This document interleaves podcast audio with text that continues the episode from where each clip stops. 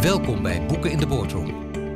Boeken in de Boardroom is naast een podcast ook een live event dat topauteurs verbindt aan organisaties en hun business leaders. Meer informatie vindt u op boektalks.nl. Emily Goordenker is directeur van het Van Gogh Museum in Amsterdam. Kort na haar komst moest ze vanwege corona de deur sluiten. Hoe kijkt ze naar de toekomst? Vandaag is ze te gast in Boeken in de Boardroom.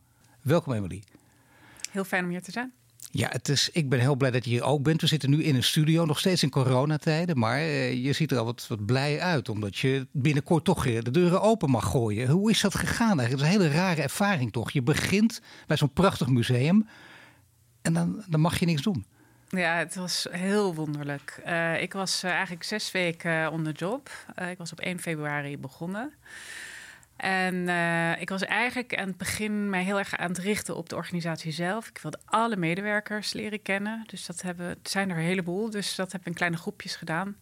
En ik was bijna door alle kennismakingsgesprekken heen. Toen opeens het duidelijk werd dat er iets aan de hand was. Uh, we hadden natuurlijk gevolgd. Hè. Ik was naar de TFAF geweest. Daar, daar speelde het al ja. als een vraag. Bij die opening van TFAF moest dat eigenlijk wel. Uh, daar deden we heel onhandig met elkaar. Uh, maar heel kort daarna, een paar dagen daarna, um, keken we naar het persbericht, uh, de persconferentie met het kabinet. En toen kregen we te horen vandaag. Nu meteen. Gaan ja, dat was echt een vet accompli. Het kon gewoon niet anders. En dan moet je meteen ook beslissingen nemen. En dan liggen er altijd draaiboeken klaar. En sommige mensen zijn daar heel goed in. Want die hebben bijvoorbeeld een defensieachtergrond. Of die zijn dat gewend. Die achtergrond heb je dan weer niet. Je hebt een hele mooie achtergrond waar we het zo over hebben. Maar dit niet. Wat heb je gedaan? Nou ja, ik heb fantastische medewerkers. Uh, en daar lag een pandemieplan. Dus wat dat betreft, het museum is zeer professioneel. En eigenlijk is het zo, de deuren dichtgooien is niet zo moeilijk. Uh, maar daarna, kort daarna, kwam een periode van zorgen dat iedereen thuis kon werken. Hè, de zorg dat iedereen een laptop ja. had. Uh, dat het duidelijk was hoe dingen gingen gebeuren. En ook hele moeilijke beslissingen meteen nemen om zoveel mogelijk je cashflow, uh, je cash te kunnen uh, bewaren. Want dat is natuurlijk heel eng. Dit is een museum wat bijzonder trots is op het feit dat we enorm veel zelf verdienen. Uh, ja. Het is echt fenomenaal. Maar dat mes snijdt aan twee kanten. Betekent dat we ook heel veel geld verliezen. Ja, en dat zie je ook tijdens deze crisis. Hè? Dat, uh, dat je bijna dus. Uh, uh, ja, je, je doet het heel goed en daar word je haast voor gestraft. Dat zeggen althans sommigen die, die inderdaad zelf de broek kunnen ophouden. En nu zeggen: ja, luister even, omdat wij niet zwaar gesubsidieerd worden, zijn we nu de pineut. Dat is eigenlijk een heel raar systeem, bijna een weeffout, of niet? Ja, dat, dat is. Je voelt je soms afgestraft, inderdaad, als er iets tegen gaat. Aan de andere kant, dus, dus ja, dat is een feit. Het is echt wel heel zwaar. We kijken, en het is heel moeilijk nu om veel verder te kijken. We hebben natuurlijk onze plannen tot we weer open gaan. Daar gaan we het misschien zo over hebben, op 1 juni. Maar daarna, wat gaat er dan? Hoe lang gaat het duren? Wat betekent dat voor de iets wat langere termijn? En dat druist enorm tegen het bedrijf zelf in. Want als je erover nadenkt, een tentoonstelling is vaak drie jaar in de maak. Je moet nu beslissingen nemen op basis van je, wat je eigenlijk nog niet helemaal weet over een periode wat best ver in de toekomst is. Ja. En dat maakt het heel erg lastig. Dat maakt het zo lastig dat het zelfs soort van Gogh Museum, als het te lang duurt, uh, zo gevaarlijk is dat het kan omvallen? Omvallen, uh, laat ik het zo zeggen, we hebben het zo goed gedaan dat we best wel goede reserves hebben. Maar we jassen er wel heel snel doorheen. Dus als we zo door zouden gaan, ja, dan zouden die op zijn. En dan, dan, ja, ik moet er niet aan denken, maar dan sta je misschien in, in slaapstand. Nee, maar dat zijn echt onvoorstelbare situaties. Maar toch, het Tassenmuseum, een veel kleiner museum, ging er als eerste aan. Uh, mensen gaan nu al naar elkaar kijken. De directeur van de museumvereniging zei ook, één op de vijf kan het zeker niet volhouden. Prachtig kleine museum in Haarlem, het Frans Hals Museum. Uh, ja, ook, ook bang dat het, dat het voorbij is. Maar het Van Gogh Museum, dan denk je, dat kan niet. Het Van Gogh en het Rijks, dat gaat altijd door. En dat is dus ook een onderdeel van het probleem. Hè? Er, er, wordt een aanname gedaan van het gaat, jullie gaan doen het altijd goed, dus zeker, dat komt wel goed. Zeker. En dat is niet automatisch zo.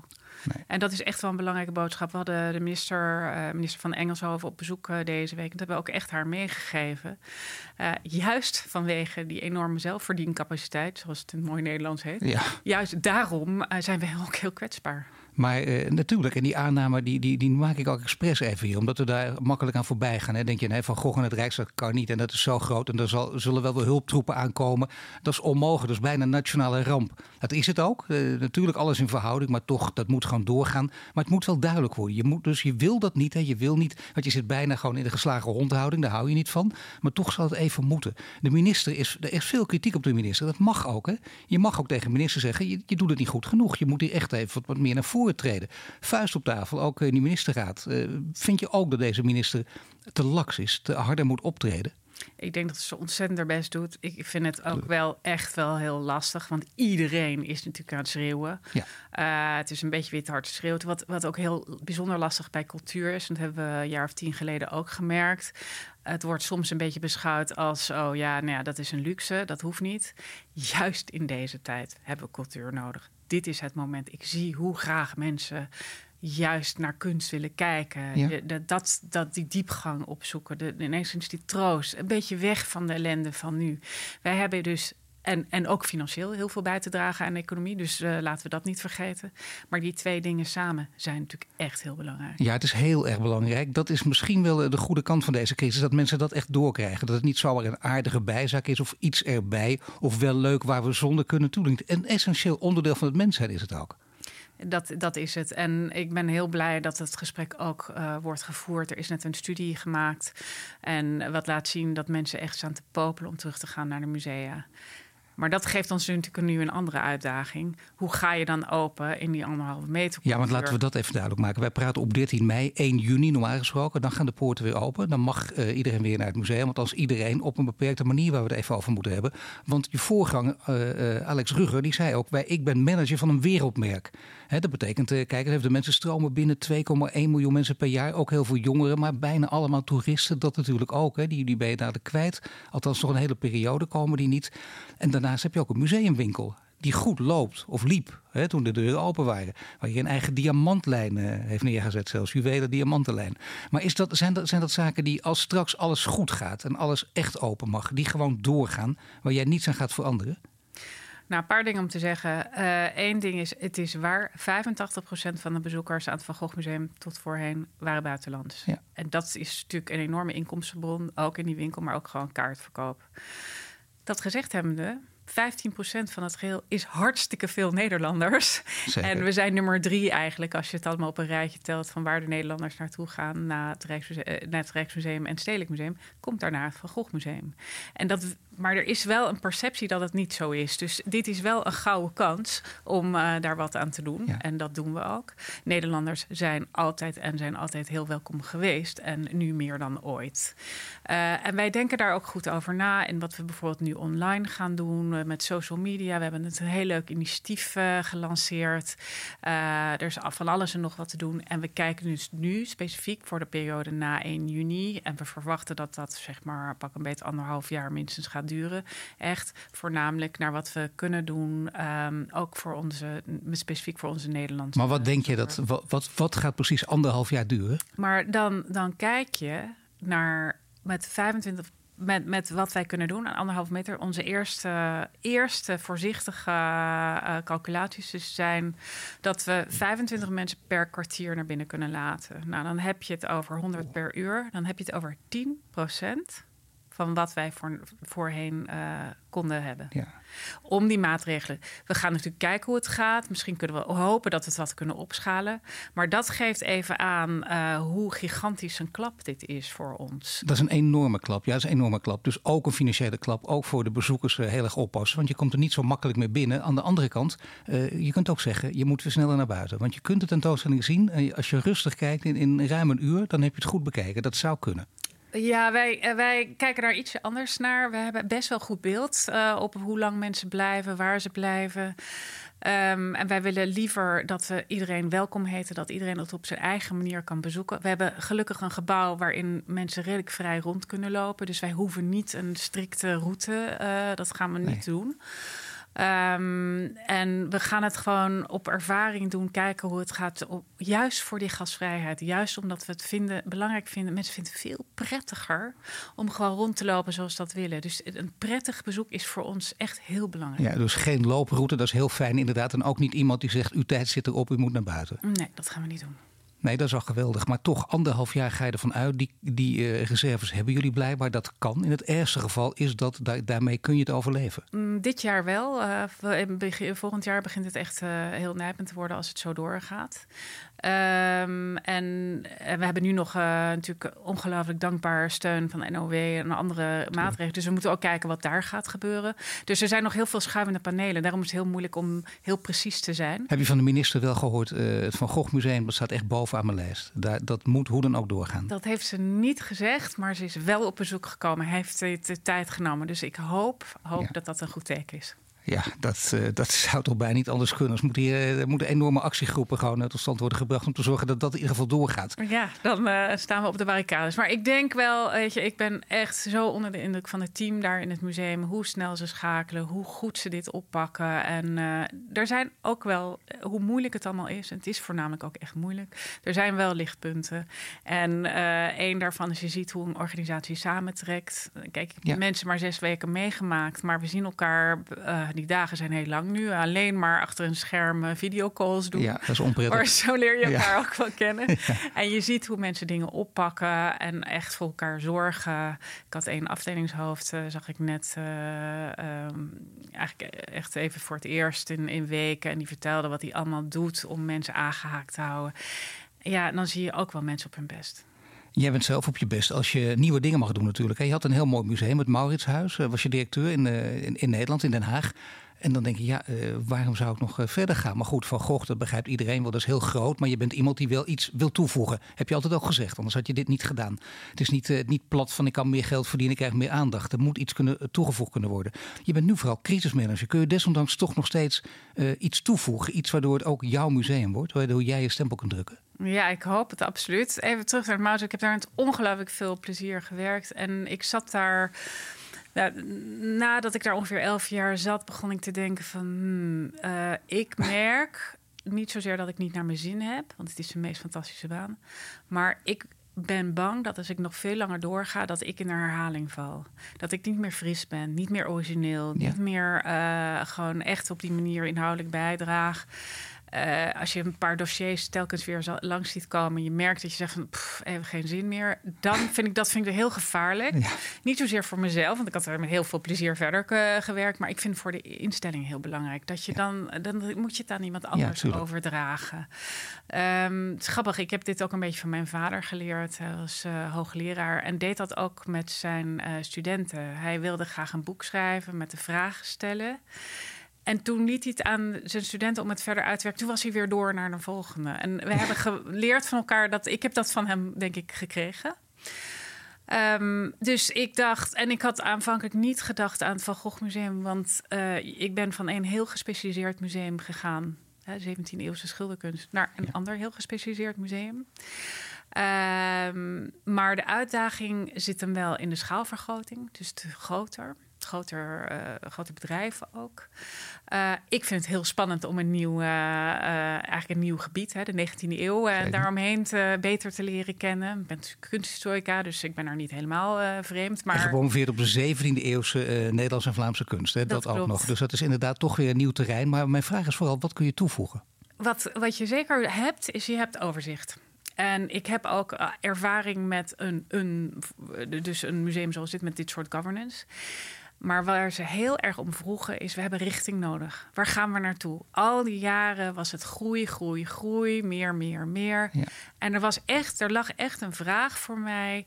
Maar inderdaad, ja. wat is nu die richting? Ja. Nou, wil toeval dat dat mede door de omstandigheden bepaald wordt. Uh, dus, dus, maar bijvoorbeeld, een van die vraagstukken is: uh, hoe willen wij, wat willen wij onze uitstraling uh, laten zijn naar Nederlanders toe, naar Nederland? En, en, en we merken best wel dat er een perceptie leeft dat het museum voornamelijk voor toeristen is, terwijl we dat ja. helemaal niet willen of zo bedoelen. Dus hoe gaan we dat aanpakken? Nou ja, dit is dus een prachtig moment om dat nee, Alex Rugger heeft er een manager van een wereldmerk, dat heeft hiervan gemaakt. zeg je mooi dat dat kan, maar maar nu iets anders. Het gaat nu ook meer om de inhoud en ook meer gericht op de Nederlandse bezoeker. Dat. Maar En voor corona andere- dus ook, hè? Voor, voor de duidelijkheid. Ja, daar, had ik het, daar zat ik ook al na te denken van hoe ga je dat doen. En een andere leuke, ehm, een van mijn managementteamleden had ik ook zo'n gesprek over. Ze zei, ja, helemaal aan het begin. Ik zei van ja, Van Gogh is zo'n merk, zo fantastisch. Van Gogh Museum zo'n merk. Hij zei ja, Van Gogh wel, maar het museum niet altijd. Dat vond ik gewoon een hele goeie. Dit is iemand heel erg aan de commerciële kant. En dat is wel een hele interessante opmerking. Wat is jouw positie als museum binnen de museumwereld in Nederland, internationaal? Hoe, hoe verhoud jij je als instelling, als kennisinstelling? Ook als enorme producten. Maar dat is zo'n goede vraag dat ik hem bijna zelf had kunnen stellen. Wat is het antwoord dan? En het antwoord is. Wij, en dat antwoord heb ik al, begon ik helemaal aan het begin met mijn nieuwe medewerkers. Ik zei, ik denk dat we even terug moeten naar de core. Wat is het wat dat Van Gogh Museum zo bijzonder wat, wat geen ander museum heeft? Ook niet Musée d'Orsay of eh, Mu- Museum of Modern Art, die ook mooi van Gogh. Wat maakt ons zo bijzonder? En het eh, antwoord was unaniem en eigenlijk heel makkelijk. We hebben niet alleen de grootste collectie eh, werk van Vincent Gogh, maar we hebben ook de brieven en we hebben het verhaal van die familie. En die combinatie, Ja.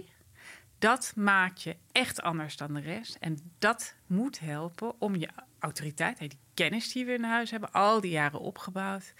Dat, dat is je, sorry voor de uitdrukking, maar je unique selling point. Maar dus ook misschien meer een nadruk op educatie. Dan je, het gaat niet om om af te zetten op je voorganger. Dat, dat doet het Oh, totaal niet toe. Die heeft het allemaal fantastisch gedaan. Maar het gaat om wat jij nu zelf gaat doen. Meer educatie. niet zozeer educatie eh, aan zich, maar een, enerzijds altijd terug naar die kern, wat zijn we? En dan wil ik juist, we mogen best wel een beetje speels zijn daarmee. We mogen best wel eens wat uitdagen, we mogen best wel eens die grenzen gaan opzoeken. Kijk, En, en dat kan je in allerlei... provoceren ook. Dat kan je absoluut ook zien. En dit- we, we gaan het ook hebben over discussies over, eh, weet je, hoe ga je om met, eh, met het werk wat je in huis hebt. Zeker.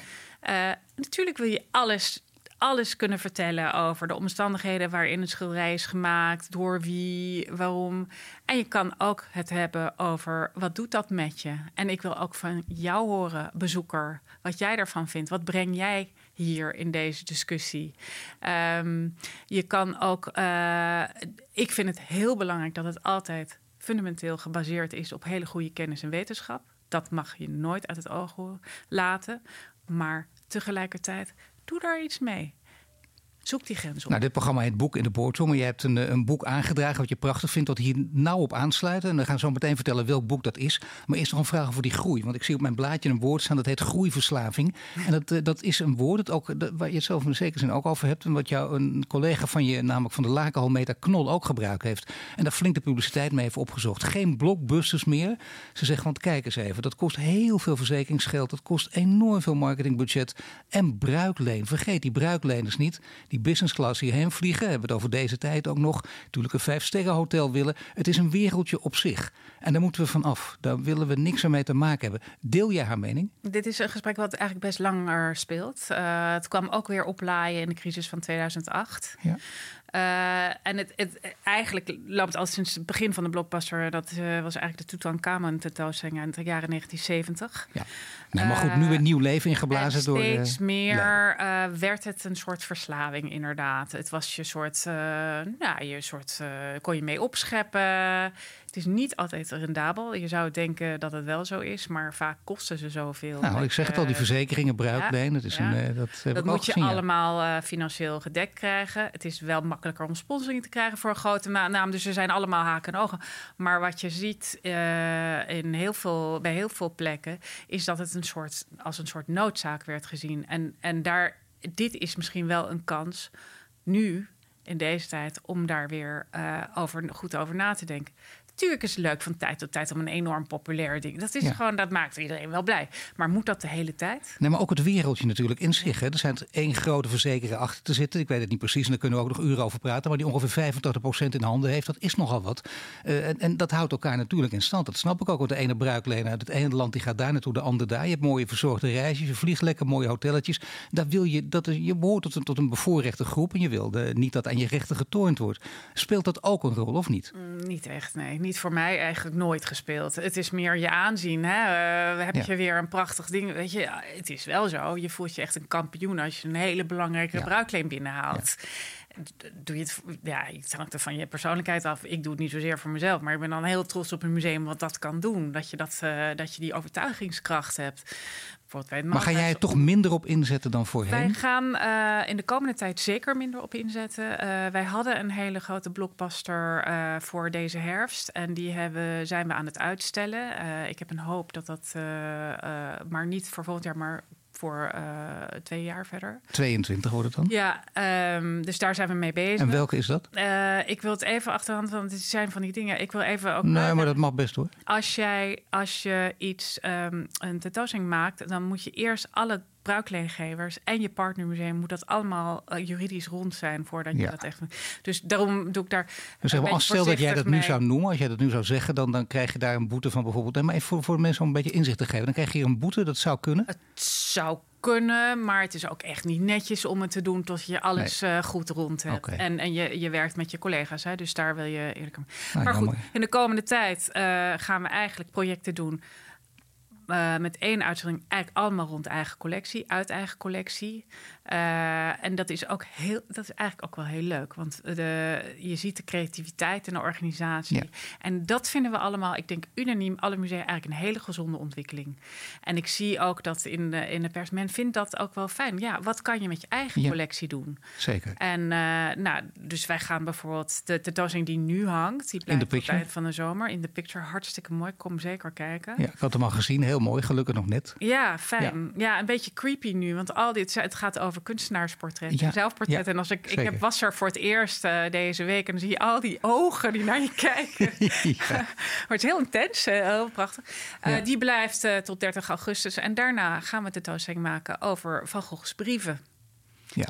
Ja, prachtig. Dat zouden we deze zomer doen. Dat is ja. heel geschikt voor deze tijd. Wanneer mensen weer ontdekken maar toch, brieven schrijven, is fantastisch. I know, maar het geld moet binnenkomen. Dat blijft heel erg belangrijk. Ja, Daar hebben we steeds over. Dus ondertussen denk ik, wacht even, gaat het nog steeds door met die, met die uh, museumwinkel en een nieuwe lijn ontwikkelen bijvoorbeeld? Als je toch een diamanten juwelenlijn, uh, en dan kun je ook, dan kun je ook op modegebied wat gaan doen. Je kunt dat eindeloos blijven uitbreiden. Ik denk dat je overstelpt wordt natuurlijk. Het directeur van het Gogh Museum. Iedereen wil wat met de directeur van het Van Gogh Museum. Ook dat nog. Heb je, heb je ook uh, ideeën in die richting? Echt, echt harde commerciële ideeën? We moeten absoluut kijken. Die winkel is voornamelijk, die, die doet heel onze e-commerce gaat steeds beter. Dus daar zijn al kansen en dat is hartstikke leuk. Uh, maar daar moeten we gewoon, ja, hierin is het echt gissen van hoe lang gaat dit duren. Uh, ik vind dat moeilijk om daar nu al uitspraken over te maken, maar aanpassingen kan, zonder twijfel. Um, ik krijg inderdaad veel verzoeken voor gesprekken, voor andere dingen. En je ziet hoe voorzichtig ik ben, juist omdat er zoveel schuivende panelen zijn op dit moment. Ja. En ik vind het echt gevaarlijk om uh, hele harde uitspraken te maken. Nee, maar tegelijkertijd, dat is, nee, oh, tegelijkertijd is die druk daar om die beslissingen te nemen de hele tijd. Precies. Is een hele lastige. Maar kun je er niet eentje noemen? Ik, bedoel, ik begrijp het. Ik, ik ga niet heel erg lopen zeuren. Het is een beetje flauw eigenlijk dat ik dat per se wil. Want dit is geen nieuwspodcast. Maar het is altijd leuk als je er eentje zou kunnen noemen. Of je zegt, nou, dat is wel een hele leuke. En zo misschien niet heel netjes, maar die wil ik wel even vertellen. Uh, over een tentoonstelling? Of, ja, of sowieso, wat je van plan bent. Of met wie je in zee gaat. Of wat echt meteen de, de hand van Emily Gore denken uh, wordt. Of wat je in de museumwinkel gaat doen.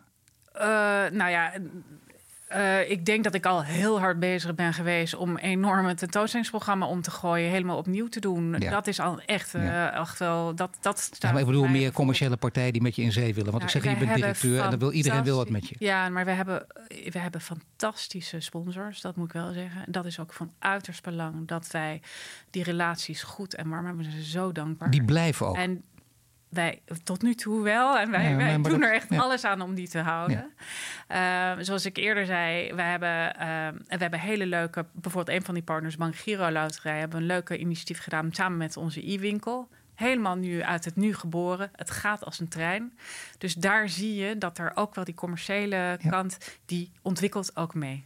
Nu is er nog iets, uh, en dat wil ik toch even vragen, want dat geeft ook aan hoe goed het gaat of slecht het gaat met een museum of een onderneming of, of met een bedrijf. Hoeveel mensen werken bij het Van Gogh Museum? Ja, we hebben nu uh, iets van 310 FTE, dus best een groot uh, bedrijf. Uh, heel erg dankzij de NOW-regeling hebben we iedereen in vaste dienst gewoon aangehouden.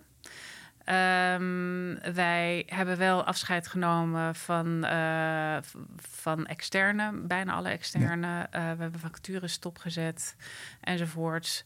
Um, dus voorlopig uh, gaan we zo door we zullen even kijken hoe lang die, die maatregel doorgaat. Uh, hier ook is zo'n lastig uh, moment. Hè. Je, het is heel moeilijk om al te ver in de toekomst te kijken. We doen er alles aan om de mensen te behouden. En ze zijn allemaal fantastisch. Dus, en je kunt niet in de toekomst kijken. Dan wil ik toch één dingetje uitpikken. Namelijk die anderhalve meter economie. Veel mensen zeggen dat is helemaal niet het nieuwe normaal. Alsjeblieft, haal het niet in je hoofd om dat te zeggen. Want het is, gewoon, het is ook niet normaal. Het haalt alle menselijk contact weg. En misschien, want er is voortschrijdend inzicht ook bij, bij de virologen, bij het OMT iedereen die erover gaat, dat het straks misschien helemaal niet nodig is. Dus ondernemers weten ook, dat hoor ik van bijna alle ondernemers die ik spreek, die zeggen we willen vooruitkijken, dat kan niet, dat snappen we, maar we gaan ons nog niet instellen op die anderhalve meter economie, want misschien blijkt het dadelijk helemaal niet nodig te zijn. Ja, wij moeten dat wel uh, voor die heropening in juni, dus dat is geen keuze. Hè? Dus als we open willen, uh, dan moeten we dit gaan doen.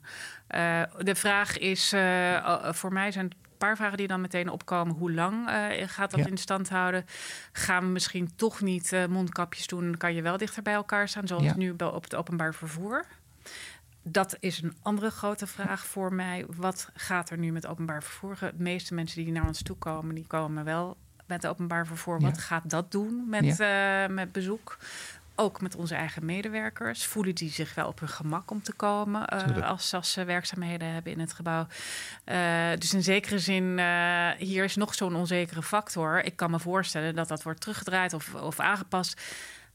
Maar we moeten het gewoon uh, laten gebeuren. We horen je praten perfect Nederlands en dat valt altijd weer op. Hè. Je, ik weet niet hoeveel talen je spreekt, maar uh, geloof ook nog Russisch gedaan of niet? Ja, ik heb vroeger heel goed Russisch gesproken. Ik heb het heel lang niet gebruikt. Dus ik bieg op, dus uh, meer dan een little rusty.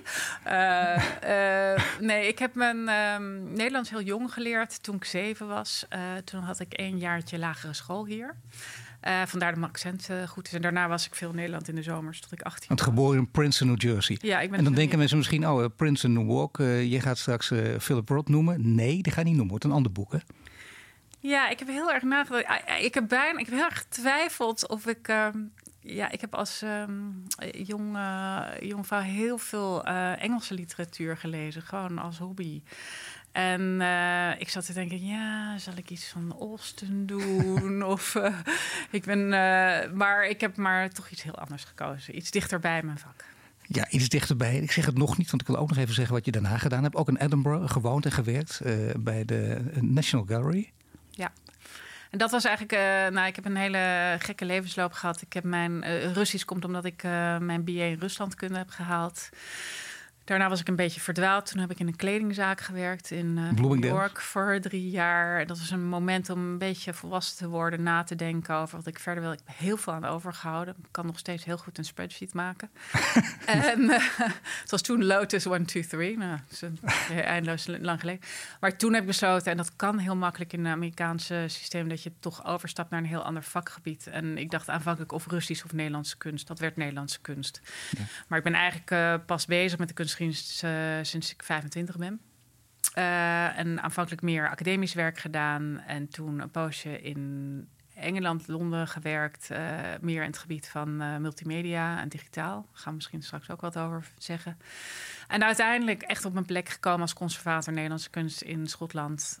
Ja. Daar naar het Maushuis. Ja, en dus blijkt ook uit dit verhaal een, een internationaal netwerk. En voor ik het mag vergeten, want voor de liefhebbers, de Frick Collection, prachtig natuurlijk, uh, Upper East Side in New York. En daar heb je ook nog even gewerkt. Ja, ik heb daar heel veel gedaan aan educatie. Ik heb in de MET gewerkt aan tentoonstelling. Ik heb uh, les gegeven, gedoseerd, universitair.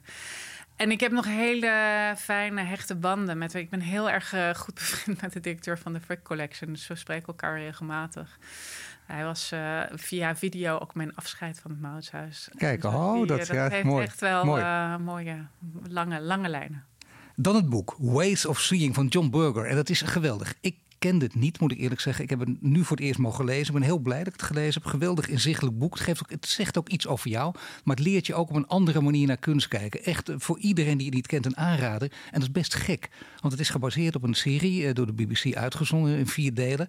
Uh, John Burke is, is, is heel veel, veelzijdige man. Maar ook schrijver, programmamaker, artiest. maar hij is ook schilder. Bijvoorbeeld. Uh, en hij zegt, Ways of Seeing, het boek zegt het al, hoe kun je naar kunst kijken? En uh, jij moet mij corrigeren, want het is jouw boek, je weet er veel meer van dan ik. Maar wat ik eruit haal is toch één heel belangrijk woord. En dan moet je eigenlijk nooit vergeten, ook als je naar wat, wat, ook, wat je ook doet in je leven. Maar ook als je naar kunst kijkt, het woord context. Dat is echt het grote woord dat heel vaak bij hem terugkomt. Waarom is het zo belangrijk, context? Ja, ik eh, heb zelf uh, ben begonnen met kunstgeschiedenis een hele traditionele manier.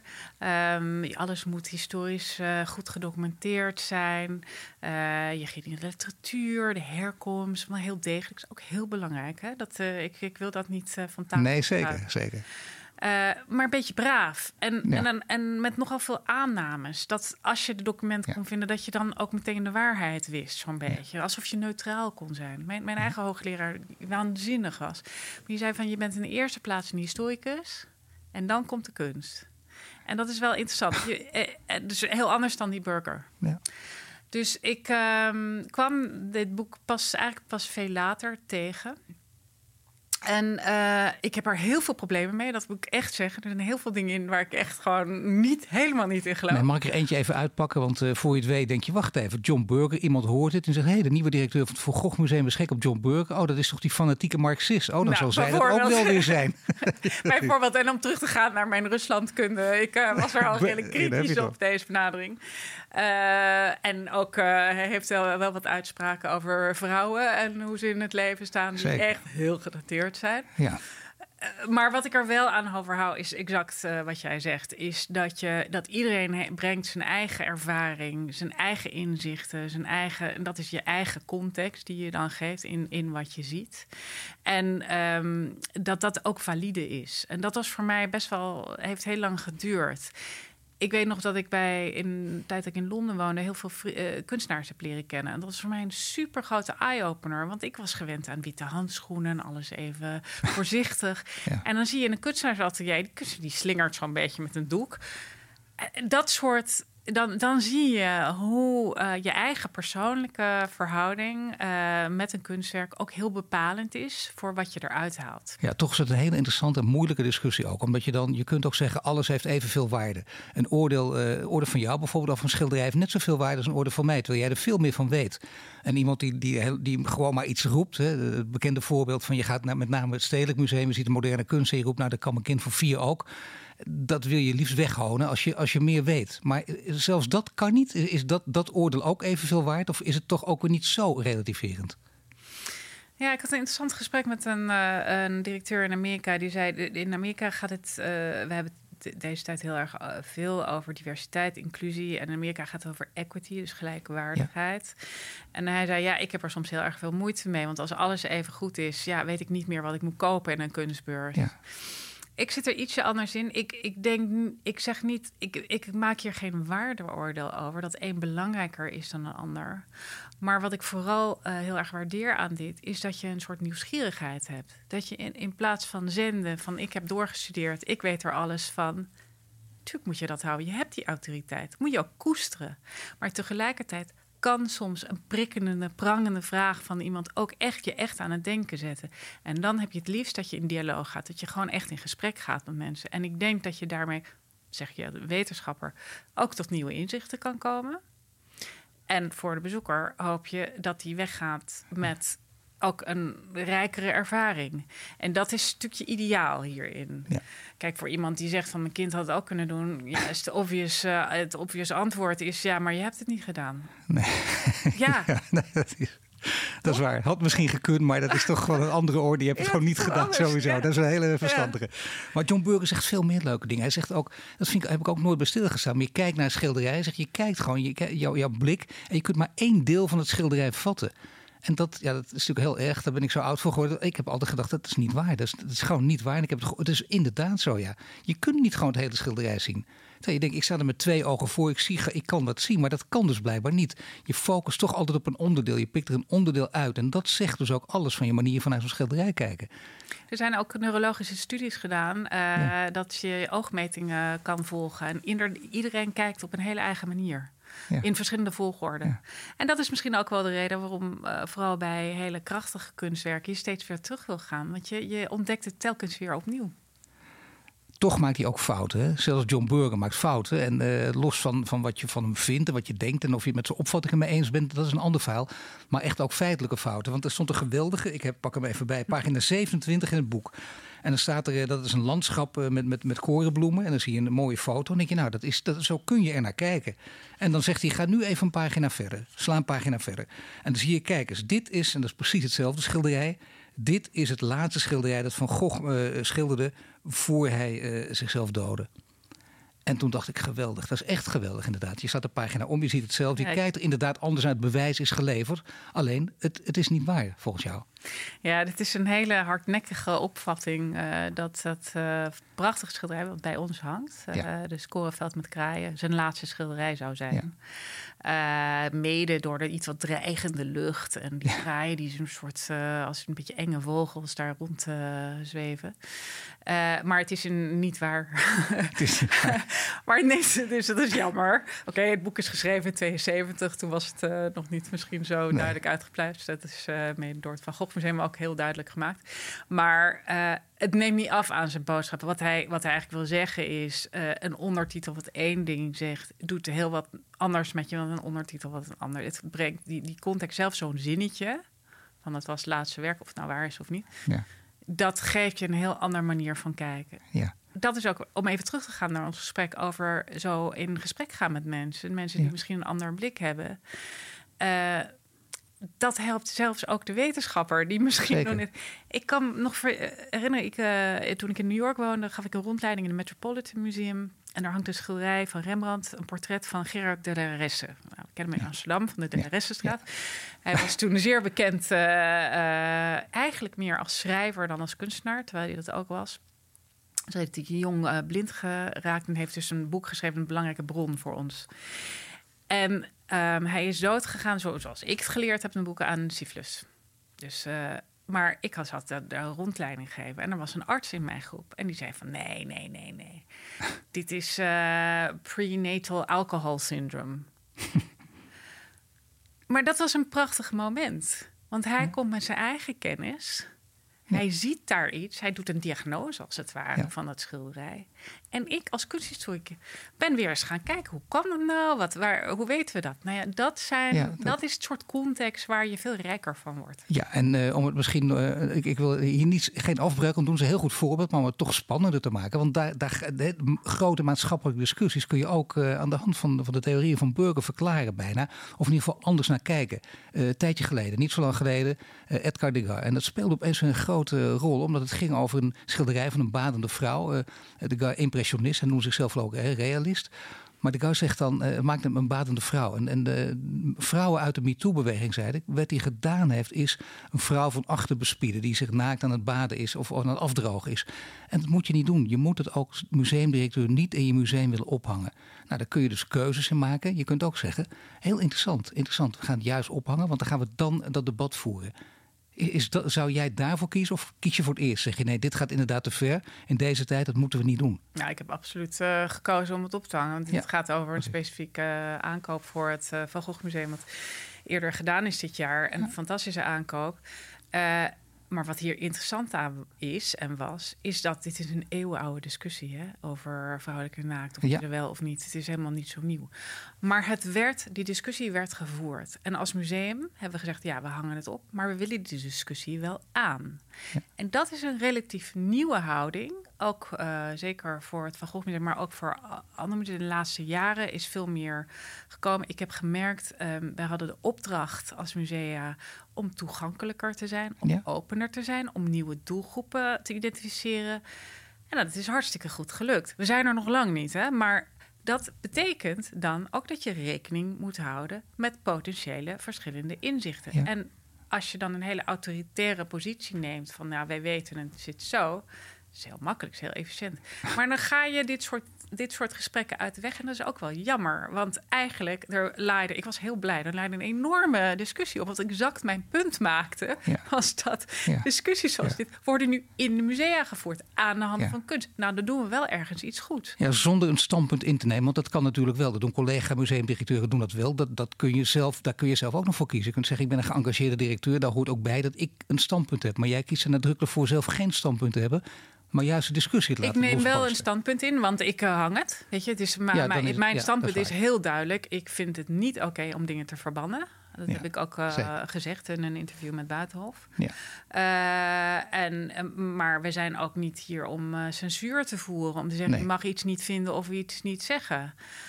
Um, wat ik wel belangrijk vind, is als er iets ondergrond is of niet klopt, dat daar wel een duidelijk repliek op komt. Van, ja. En dat is ook, ook uh, echt wel gekomen met een mooie soort afsluiting van het hele debat in het Parool. Um, waarin je dit ook allemaal op een rijtje ziet. Ja. Eigenlijk wil je dit heel graag. Dat het bord wordt gewoon om je heen gevoerd. Dan heb je toch iets aangedragen. Maar ja, dit zegt dus John Burger ook in Ways of Seeing. En geweldig, laat, maakt het ook duidelijk. Heel veel bijvoorbeeld uh, schilderijen van vrouwen met een verleidelijke blik... plaats je dan naast uh, commerciële fotografie. En dat, is, dat was voor die tijd geheel nieuw. Dat zou je nu ook kunnen doen. Zijn dat, is dat een beetje de richting waarin jij ook denkt met je eigen museum? Dat je dat kan doen? Dat je dus gewoon, dat je laten we zeggen, uh, echte kunst, dus dat je die, uh, dat je die hangt naast uh, misschien hele commerciële portretten? Uh, dat uh, zou ik persoonlijk niet doen, uh, noodzakelijkerwijs. Ik moet even zeggen over het boek. Hierin is het echt gedateerd. Weet je, voor Bird was het hartstikke nieuw. Alle nieuwe fotografieën en advertenties. Ja, dat is waar. En als je hier doorheen bladert of op, op de tv-series... het is eigenlijk heel lachwekkend, want het is super gedateerd. Dat is, waar. Dat is, waar. dat is één ding. Wat hij nog lang niet zag aankomen... is wat we nu allemaal met digitaal en online... en wat we allemaal nu kunnen dit was uh, gewoon stond in zijn kinderschoenen. Dus eigenlijk is het uh, nog veel uh, uit, uitvoeriger geworden. Maar in zijn geest, hoe zou dan, dan kun je ongeveer denken hoe hij daarnaar zou kijken, hoe je dat zou aanpakken. Hij heeft een hele duidelijk oordeel. En, dat, en waarin hij zegt, door die reproducties te maken, door die afbeeldingen te maken, heb je eigenlijk de geest van dat schilderij, het aura van dat schilderij, heb je die vernietigd. En dat baseert hij op een artikel wat ik toevallig in mijn uh, stu eerste studietijd gelezen heb. Wel heel toevallig. Hè? Van uh, Walter Benjamin. Uh, ik heb het in het Engels gezegd, Art in the Age of Mechanical Reproduction. Dat is oorspronkelijk in het Duits. Uh, en dat gaat daar helemaal over. En, en dat is dat hele marxistische draai. Want uh, zij menen dat je daarmee eigenlijk het kunstwerk, uh, de, de, aura daarvan, het, het eigenheid daarvan hebt beschadigd. En wat het dan doet, is dat het echte, schil, echte schilderij dan juist meer commerciële waarde krijgt. Nou, daar zit wel een beetje wat in, maar dat is, dekt de lading lang niet. Sterker nog, ik ben van mening uh, dat hoe meer je de dingen in reproductie ziet, hoe meer je, je hangt naar je wil, naar de, het echte, het authentieke. Ja. Uh, dit was voor mij uh, ook een van de redenen waarom ik mij echt heb verdiept in dit. Heel, redelijk vroeg. Um, ik was in Londen, ben ik naartoe verhuisd in 1999. En dat was een moment wanneer de musea eigenlijk allemaal zei van, ja, website, mm, nou, ik weet het niet. Als het moet, alleen maar adres en openingsuren. Want, dacht men toen, hè, het is toen twintig jaar geleden. Als er dan plaatjes op het internet, dan gaat iedereen achter zo'n computer zitten... en dan gaat niemand daar naartoe. Ja. Dat was echt, iedereen dacht het. En ik dacht, dat kan toch niet? Want waarom wil iedereen naar dat Louvre om die Mona Lisa te zien? Omdat ze die afbeelding kennen. Ja. En is dat, maakt dat misschien is het niet zo'n prettige ervaring nu. Nou ja, nu even niet, maar hiervoor. ja. uh, met tien dik voor het schilderij. Maar er is, men zoekt ook dat echtheid op. En ik denk daarom dat het niet een goede aanname is wat er gemaakt is door, uh, door um, Benjamin en daarna door Burger. Ja. Maar het feit dat die reproductie, wat het doet, en daar ben ik wel met Burger in, door al die reproducties geeft het steeds meer verschillende contexten. Eén daarvan is het inderdaad het vergelijk met het commerciële. Ja. Um, en, en, en wat we nu veel beter, wat je nu de hele tijd ziet, dat was echt not done. Maar, maar leuke gefotoshopte dingen. We zien nu in deze tijd dat mensen allemaal oude meesters gaan namaken met Photoshop en zo. Of ze gaan, ik, heb, ik weet niet door hoeveel mensen heel leuk een um, fotootje gestuurd van een zelfportret van Van Gogh met zo'n mondkapje erop. Weet je, dat, dat zag die meneer nog helemaal niet aankomen. Nee, nee, nee. maar ik ben er echt van overtuigd, het maakt niks kapot maar het geeft wel juist een. Uh, het geeft het meer toega toegankelijk. Het maakt het benaderbaarder. En uh, het geeft ook iedereen wel een recht om het eigen te maken op je eigen manier.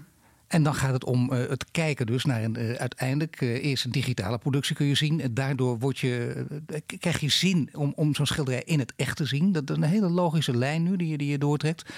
als we kijken naar Walter Benjamin, het eerste hoofdstuk is, is bijna helemaal gebaseerd op, op de filosofie van deze man. Er komt ook iets uit naar voren. En of dat nou wel of niet marxistisch is, doet er eigenlijk niet zo toe. Omdat steeds meer mensen dat wel omarmen. Dat is het idee van kunst mag nooit in privé-eigendom zijn. En juist in deze tijd, hè, met de verschillen tussen rijk en arm, laait die discussie ook weer op.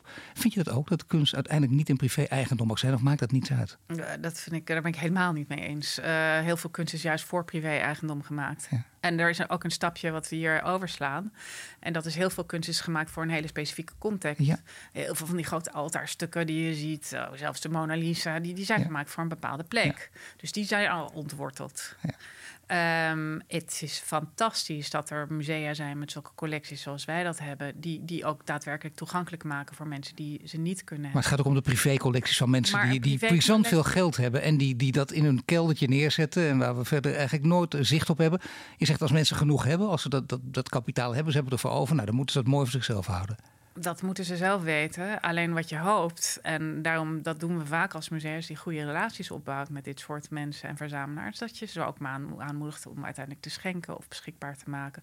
Of weer op de markt te gooien. Daar is helemaal niks mis mee, want dan maakt het ook toegankelijk voor mensen. Is de, is de wereld uh, zo veranderd dat de mooiste schilderijen, dat we die straks alleen nog maar in bijvoorbeeld Abu Dhabi kunnen zien, waar je het Louvre hebt, op, op dat soort plekken, is dat gewoon eigenlijk eh, de wereld waar we nu in leven? Of denk je dat, dat de verschillen toch niet zo groot zijn en dat ook hier in Nederland, in Nederlandse musea, financieel mogelijk, hopelijk althans, zijn die schilderijen ook hier nog te zien? Of moeten we daarvoor echt uh, ons instellen op een reisje naar Abu Dhabi? Nou, ik denk dat we uh, gezegend zijn in Nederland met heel veel fantastische collecties. Dus we hoeven gelukkig niet zo ver te reizen. Nee. Um, maar een authentiek, een origineel kunstwerk, een ding, ja, dat hangt op een plek. Dus het zal misschien nodig zijn om ergens naartoe te gaan om iets te zien. Ik hoop dat een van de voordelen van deze tijd is dat mensen zich juist gaan realiseren hoeveel je thuis ook hebt. Ja. Uh, en dat zou een hele mooie uitkomst zijn. Um, ik ben ook, uh, ik heb ook uh, mijn studie gedaan in New York, waar er ook heel veel te zien was. Maar ik heb collega's uh, die zeg maar in Kansas of ergens zijn gepromoveerd, die hadden niet dat voorrecht om zoveel. Die hebben moeten schrijven of studeren van, ja. van reproducties. Ja.